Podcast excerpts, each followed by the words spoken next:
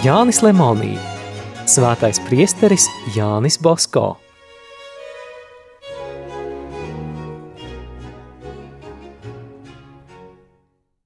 Ceturtās daļas, trešā nodaļa – priestere Bosko attiecības ar Dievu. Kādā sarunā ar pāvestu Piju desmito, monsignors Salotī uzsvēra, ka viņš izlasīs Turīnas kūrijas liecību par priestera Bosko tikumību.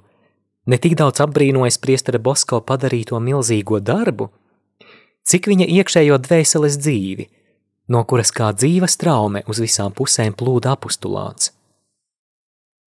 Slavenais prelāts, sarunu turpinot, sacīs svētajam tēvam, ka daudzi priesteri Bosko pazīst tikai no viņa ārējās darbības, un vispār nepazīst viņa dvēseles dzīvi. Svētais tēvs, viņš sacīja, cik ieteicams būtu, lai arī šī otra, iekšējā priestera Bosko personība kļūtu labāk pazīstama. Cik daudz pareizāk viņš tad tiktu novērtēts. Pīs desmitais arī no savas puses piebilda, ka salīdzjāņi tik īsā laikā izplatījuši savu darbu visā pasaulē tikai tādēļ, ka tos pavadīja dibinātāja svētums. Citādi tas nesot izskaidrojams. Svētais priesteris Bosko tiešām bija dieva cilvēks. Droši varu sacīt, liecina priesteris Roā, ka visu priestera Bosko dzīvi dieva mīlestība bija viņa darbu iedvesmotāja, viņa dzinējspēks, visu viņa domu un jūtu ugunskurs.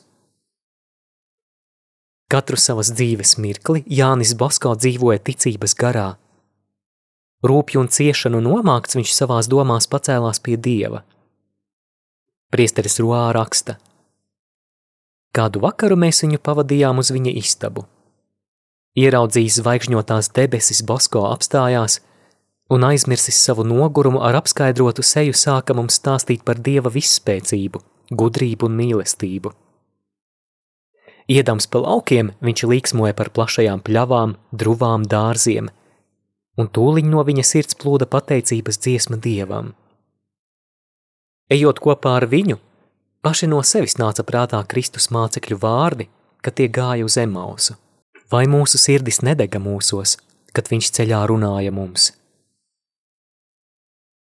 Visas priestera Bosko mācības pauda domu par dieva labumu, mīlestību un žēlsirdību. Dievs mūs mīl, viņš sacīja. Mīl kā tēvs, kā māte, simtreiz vairāk par tiem.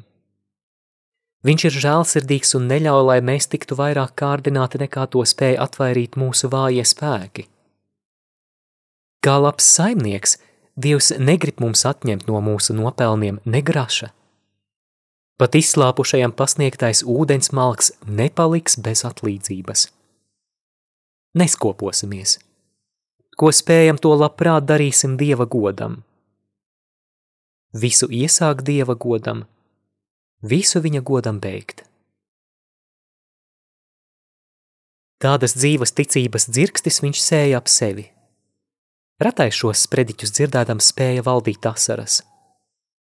Sevišķi spēcīgi iedarbojās viņa mācība par dvēseļu pestīšanu. Vienkāršos, bet izteiksmīgos vārdos Jānis Basko attēloja, cik daudz sāpju un ciešanu bija jāizcieš Jēzum Kristum par vienu dvēseli. Pēc tā viņš dedzīgi lūdza katram parūpēties par savu paša dvēseli. Katehisma lekcijas, mācības, uzrunas, misijas – viss kalpoja vienmēr vienam un tam pašam mērķim – izglābt dvēseles. Arī rakstot Bosko neaizmirsa, ka viņš ir Dieva goda izplatītājs – Nevaram atrast nevienas viņa vēstules, kurā nebūtu minēts Dieva, Jēzus Kristus vai Marijas vārds. Jo vecāks Bosko kļuva, jo stiprāka kļuva viņa ticība. Pēdējā savas dzīves gadā atminējies savu kristīgo audzināšanu, viņš bija aizkustināts līdz asarām. Kāda laime, viņš sacīja, paklausīt katoļu baznīcai. Nespēju vien dievam diezgan pateikties par divām lietām – par to, ka viņš man deva labu kristīgu māmiņu un ka aicināja mani katoļu baznīcā.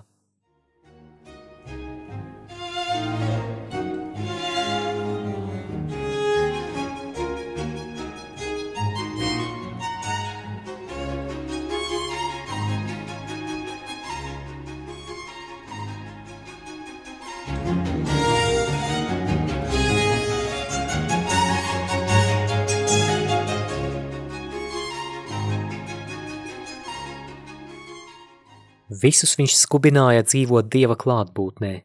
Viņa aicinājums liecināja, ka pats Jānis Basko pat ne uz brītiņu neaizmirsa Dievu. Atcerieties, bet nopietni atcerieties, viņš sacīja, ka Dievs jūs redz. Redz dienu un nakti, gaismā un tumsā, redz visur un vienmēr. Tāpat kā viņš nemitīgi par Dievu domāja, tāpat viņš uz Dievu lika savas cerības. Bieži materiālais trūkums nomāca priesteri Bosko. Visstiprākā rakstura cilvēks nebūtu spējis saglabāt mieru, bet viņš tikai smaidīja un sacīja: Priesterim Bosko nekad nekas nav piederējis un nepieder.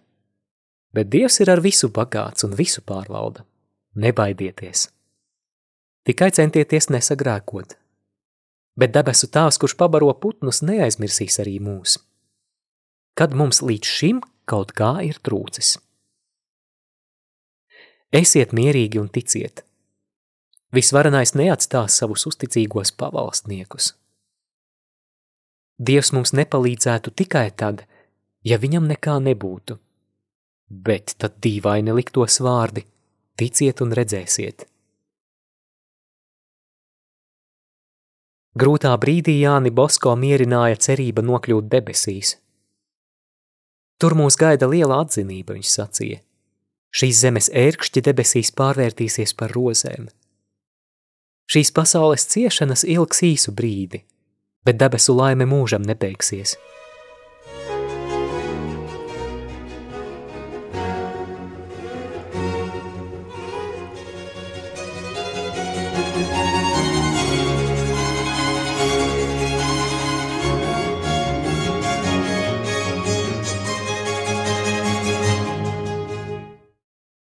Šīs pasaules ciešanas ilgs īsu brīdi, bet debesu laime mūžam nebeigsies. Strādāsim, cīnīsimies, lai debesīs atpūstos un priecātos. Šī cerība bija viņa spēks darbos un cīņās. Cik skaisti tas būs, viņš mēdza sacīt, kad varēsim redzēt Dievu. Cik skaistas ir debesis! Tikai tās nav dotas slinkajiem. Uz debesīm nav braucamā ceļa. Ceļš uz turieni slēpj lielu laimi, bet kas to grib iegūt, tam jābūt drosmīgam varonim. Jānis Basko visiem spēkiem ienīda grēku. Pret grēku viņš karoja vēl būdams mazs bērns, tad kā veikls jauneklis, vēlāk kā priesteris un sirmgalvis. Esmu tāds jau no dzimšanas, ka redzot dievu apvainojumu skrienu kaut vai ugunī. Tādēļ, raksta priesteris Roā, Viņš arī dibināja oratorijas patversmes. Viņa vārdiem runājot, tādiem atstātiem vai netikumīgā vidē dzīvojošiem bērniem nepietiek tikai ar svētdienās dzirdētām katehisma lekcijām un sprediķiem. Ja gribam šos bērnus izglābt, tie mums no briesmām jāatraujas sevišķi darba dienās un jādod tiem darbs mūsu pašu vadītās darbnīcās. Dzirdēdams par svētdzadzībām vai citiem smagiem noziegumiem – Jānis Bosko cieta sāpes un aiz skumjām nespēja runāt. Turpretī, kur vien varēja dieva apvainojumu novērst, tur viņš neklusēja. Kad dzirdēju lamājamies, sajūtu lielas sāpes, it kā būtu pausi dabūjis. Dažreiz man bija tā, it kā kaut kas sažņauktu krūtis, tad tikko nezaudēju samaņu.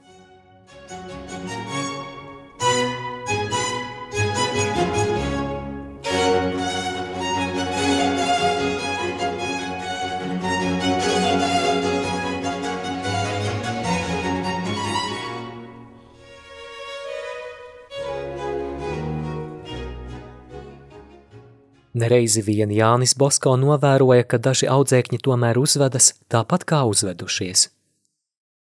Viņš tūliņ nenolaida rokas un izmantoja tādu metodi, ko vēl šodien viņa audzēkņi atceras ar aizkustinājumu.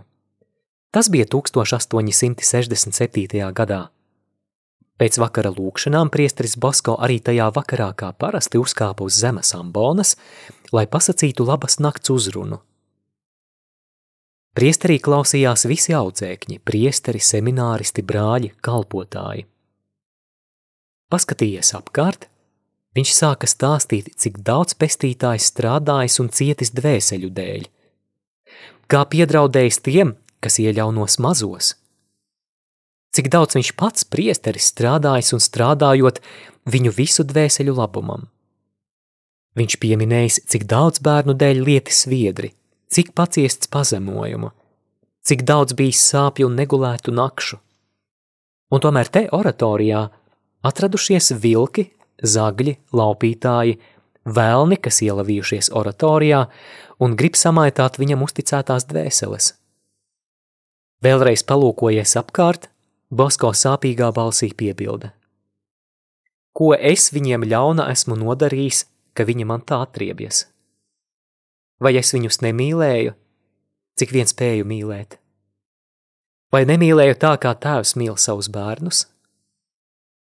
Vai nedevu viņiem, cik vien spēju dot? Vai nebiju viņiem tuvākais draugs? Kas viņus citur būtu mācījis, apgādājis, izaudzinājis?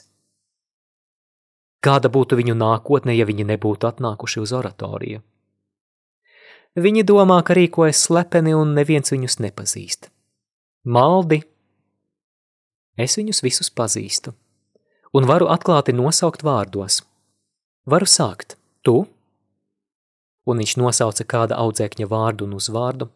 Esi vilks, jo par citu neko nedomā, kā tikai skraidīt no viena drauga pie otra aizvilināt tos no priekšniekiem, izsmējot to vērojumus un brīdinājumus.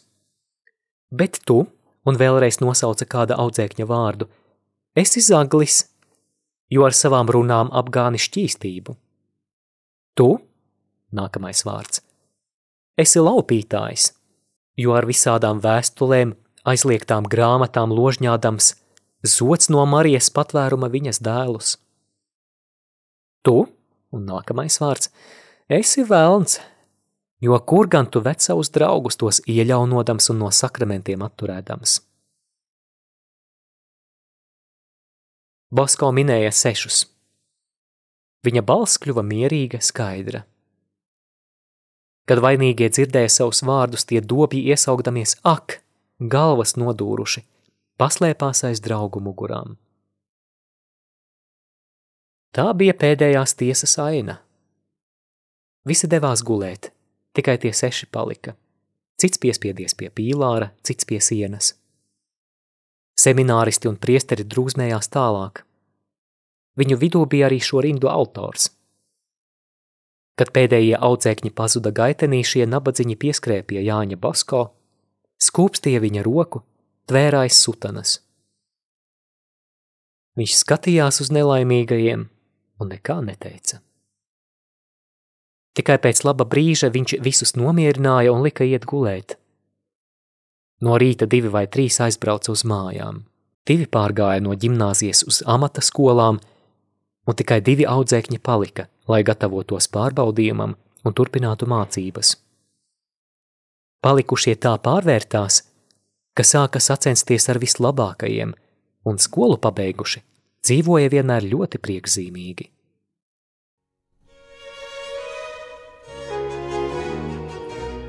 Izskanēja lasījums no Jāņa Lemonija grāmatas Svētais priesteris Jānis Bosko.